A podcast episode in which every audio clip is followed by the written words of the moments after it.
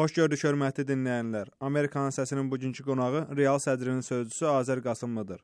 Mövzumuz isə Avropa Şurası Nazirlər Komitəsinin Azərbaycanın Avropa Şurasından çıxarılıb çıxarılmaması ilə bağlı verəcəyi qərardır. Bizim gözləntimiz ondan ibarətdir ki, əgər ayın 25-nə qədər, yəni sabahki gün daxil İlqar Məmmədov azadlığa buraxılmasa, iclasda, yəni Nazirlər Komitəsinin iclasında minimum 31 nəfər ölkə daha əvvəlki qəbul etdiyi daha əvvəlki qərarın üzərində duracaq və Azərbaycanın Avropa Şurasından çıxarılması ilə bağlı sorğunu Avropa Şurasına göndərilməsi qərarını verəcək. Yəni bizim əsas gözləntimiz bu gün bundan ibarətdir və biz e, bir tərəfdən təbii ki, anlayırıq ki, bu ölkə üçün e, yaxşı bir hal deyil, amma digər tərəfdən də Azərbaycanda avtoritar rejimin qalması və bundan sonra avtoritar rejimin daha da güclənməsi, o da eyni şəkildə Azərbaycan üçün yaxşı bir ssenari deyil. Yəni yaxşı gələcək ssenaridir, gələcəyi üçün yaxşı ssenaridir. Ona görə bizim gözləntimiz ondan ibarətdir ki, belə bir qərar verilsin və Azərbaycan ə, e, hakimiyyətində geri çəkilməyə, insan hüquq və azadlıqlarını heç olmasa bu mərhələdə hörmət etməyə, demokratik qaydalara hörmət et, e, etməyə vadar etsinlər. Nazirlər Kabineti Az Azərbaycan Avropa Şurasının çıxarılması qərarını verməsə, İlqar Məmmədovun azadlığa buraxılma şanslarını necə qiymətləndirərdiniz?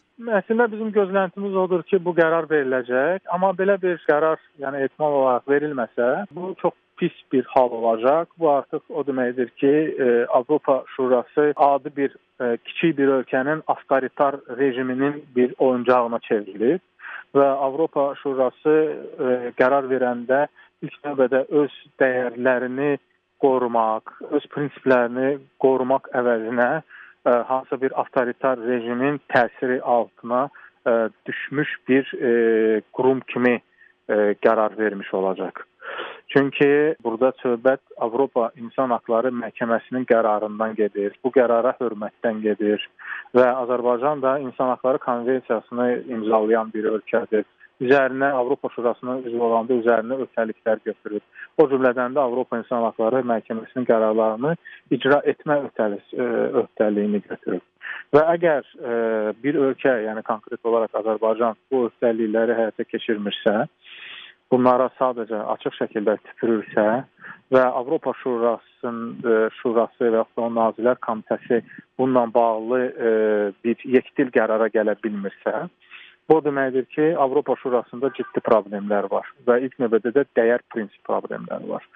Yəni biz e, bu cür bunu dəyərləndirərik və mən düşünürəm ki, Avropa Şurasında e, Şurası bunu bilməmiş deyil. E, Avropa Şurasındakı siyasətçilər, deputatlar bunu çox gözəl anlayırlar və yeri gəlmiş ki, elə məhz bunun nəticəsidir ki, bu məsələ Azərbaycanla bağlı məsələ bax bu şəkildə radikalcasına artıq gündəmdədir. Çünki e, təbii ki, yəni biz də istəməzdik ki, e, bizim ölkəmizlə bağlı e, vəziyyət bu hala gəlib çıxsın məsələ. Oktyabrın 9-da keçirin, keçirilməsi nəzərdə tutulan, bununla bağlı yer verilməsinə bağlı problemlər var idi. Bununla bağlı son vəziyyət nə yerdə? Son vəziyyət el elədir ki, daha əvvəl vəziyyət necə idisə eyni ilə. Yəni heç bir şey dəyişməyibdir. Biz ayın 2-sində Bakı İcra Hakimiyyəti, Bakı şəhər İcra Hakimiyyətinə e, e, e, müraciət göndərdik. Müraciətdə 3 yerdə e, qruplarımıza keçilməsi ilə bağlı e, bizə yardım etmələrini xahiş etmişdik və qanunvericiliyə görə 15 gün ərzində bizə cavab verməlidirlər. Yəni ayın 17-sində oktyabrın. Amma belə bir cavab biz almadıq. Onlarla əlaqə saxlamaq saxlamağa çalışdıq bir neçə dəfə. Hər səfərdə ya ə, belə deyək də cavab verməkdən qaçırlar, ya da ki, ə, ümumən bir cavab verirlər ki, bəli, sizin müraciətiniz bizdə var onunla bağlı qərar veriləcək. Yəni bu şəkildə ə, cavab verirlər. Görüşmə cəhdi etdik. Ə, görüş görüş də alınmadı. Ə, yəni orada olan rəsmi şəxslər də görüşdən ə, yayınırlar ə, və gördüyümüz də odur ki, bizə qrupa keçilməsi üçün yer ayırmaq istəmirlər.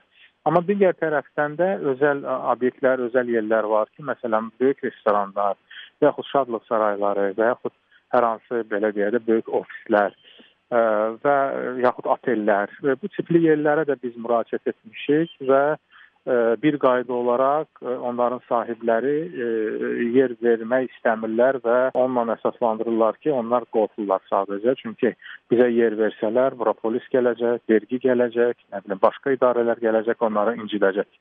Ona görə öz biznesləri, biznes biznesinin öz işlərinin təhlükəsizliyi nöqteyi nəzərdən buna bundan imtina edirlər. Yəni biz biz daha əmin olduq, biz daha gördük ki, Azərbaycanda söz azadlığı deyilən bir şey yoxdur. İnsanlar həqiqətən qorxu içindədir və ilk növbədə elə yeri gəlmişdir. İş adamları qorxu içindədir və hakimiyyət də ki, qanunları açıq şəkildə pozur. Çünki e, e, ən azı heç olmasa 15 gün ərzində bir cavab verilə bilərdi. Ən azı deyilə bilərdi ki, məsələn, ə, biz sizə ə, filan yerləri verə bilmirik çünki orada təmir gedir və yaxud hansı hansı başqa bir işlər bir səbəb gətirə bilərdilər. Amma burada ümumiyyətlə cavab verilmir və bundan da qanunverici şəkildə pozulur. Amma bütün bunlara baxmayaraq biz qurultayımızı keçirməyi e, planlaşdırırıq. Hər bir halda qurultayımızı keçirəcəyik e, və bununla bağlı müəyyən e, işlər gedir indi. İndi o yer araşdırmaları daima gedir. Artıq bir aydan çoxdur bunu araşdırırıq biz təbii ki və ə, hər bir halda ə, düşünürük ki, bu qurultay baş verəcək. Amma digər tərəfdən də gördüyümüz odur ki, ə, hakimiyyət bu qurultayın keçirilməsini istəmir. Burada həm ə, söhbət yeni ə, yaranan bir ə, təşkilatdan gedir ki, ə, yeni bir siyasi təşkilat, insanların inana biləcəyi bir bir ə, cazibə mərkəzinə çevrilə biləcək bir ə, tam yeni siyasi təşkilat yaranmasın. Digər tərəfdən də İlqar Məmmədovun həmin o siyasi təşkilatın, partiyanın sədri seçilmə ehtimalı çox yüksəkdir. Və həm də ki, bu İlqar Məmmədin adı ilə bağlı olduğuna görə də hakimiyyət bu partiyanın təsis qurultayını keçirilməsini istəmir. Artıq 5 gün qalıb qurultayın keçirilməsinə və bu 5 gün ərzində yer tapılmasa və ya da icra hakimiyyəti tərəfindən yer müəyyən edilməsə, planınız nədir? Də, vaxtın dəyişilməsi mümkündürmü? Mümkündür təbii ki, o, o da təbii ki mümkündür. İndi müzakirələr gedir, fərqli fikirlər var. Təbii ki, o müzakirələrin nəticəsi olaraq bir qərar veriləcək sözsüz ki. Amma ə, hər bir halda ə, ə, hər kəs qurultayın keçirilməsini düşünür və onu keçirmə əzmindədir. Həm təşkilat olaraq, ə, həm də ki, təbii ki, Respublika Şahsinası Partiyasının təşkilat komitəsi olaraq.